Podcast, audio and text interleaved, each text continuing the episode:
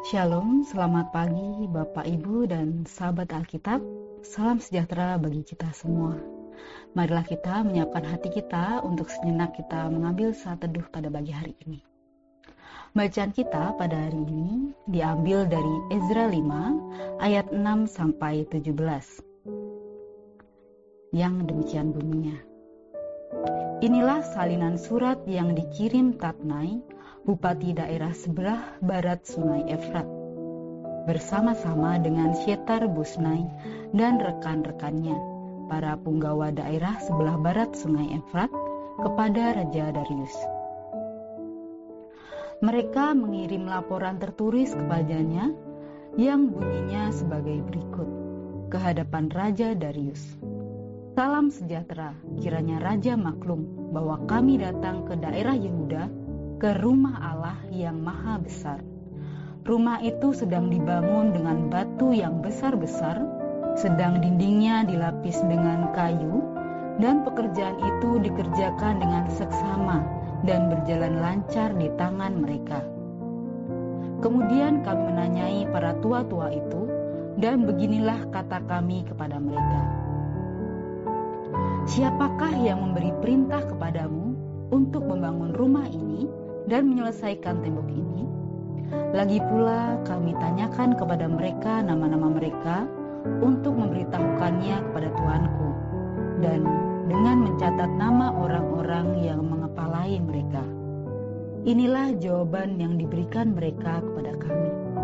Kami adalah hamba-hamba Allah semesta langit dan bumi.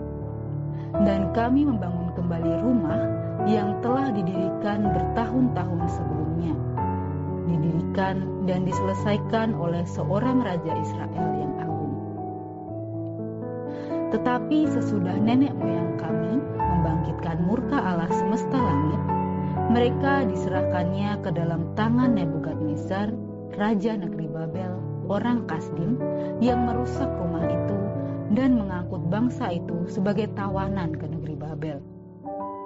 Akan tetapi pada tahun pertama zaman Kores, Raja Negeri Babel, dikeluarkanlah perintah oleh Raja Kores untuk membangun rumah Allah ini.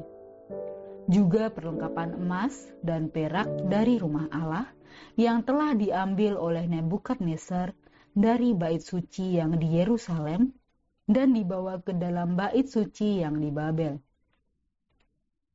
Diambil pula oleh Raja Kores dari bait suci yang di daerah Babel itu dan diserahkan kepada seorang yang bernama Sesbazar yang telah diangkatnya menjadi bupati. Perintahnya kepadanya, ambillah perlengkapan ini, pergilah dan taruhlah itu di dalam bait suci yang di Yerusalem, dan biarlah rumah Allah dibangun di tempatnya yang semula Kemudian datanglah Sesbazar meletakkan dasar rumah Allah yang ada di Yerusalem. Dan sejak waktu itu sampai sekarang dikerjakanlah pembangunannya hanya belum selesai.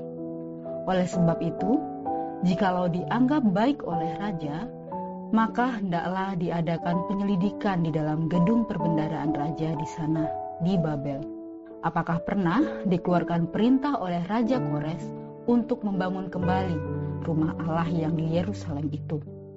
Kemudian, keputusan raja tentang hal itu kiranya dikirimkan kepada kami. Demikianlah pembacaan Alkitab kita pada hari ini.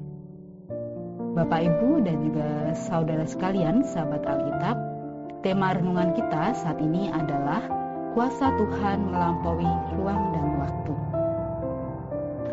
Tuhan tidak pernah meninggalkan umatnya, melainkan ia berkarya secara ajaib sehingga pembangunan bait Allah dapat diselesaikan. Di sini kita dapat melihat bagaimana Tuhan membuat segala sesuatunya berjalan dengan lancar.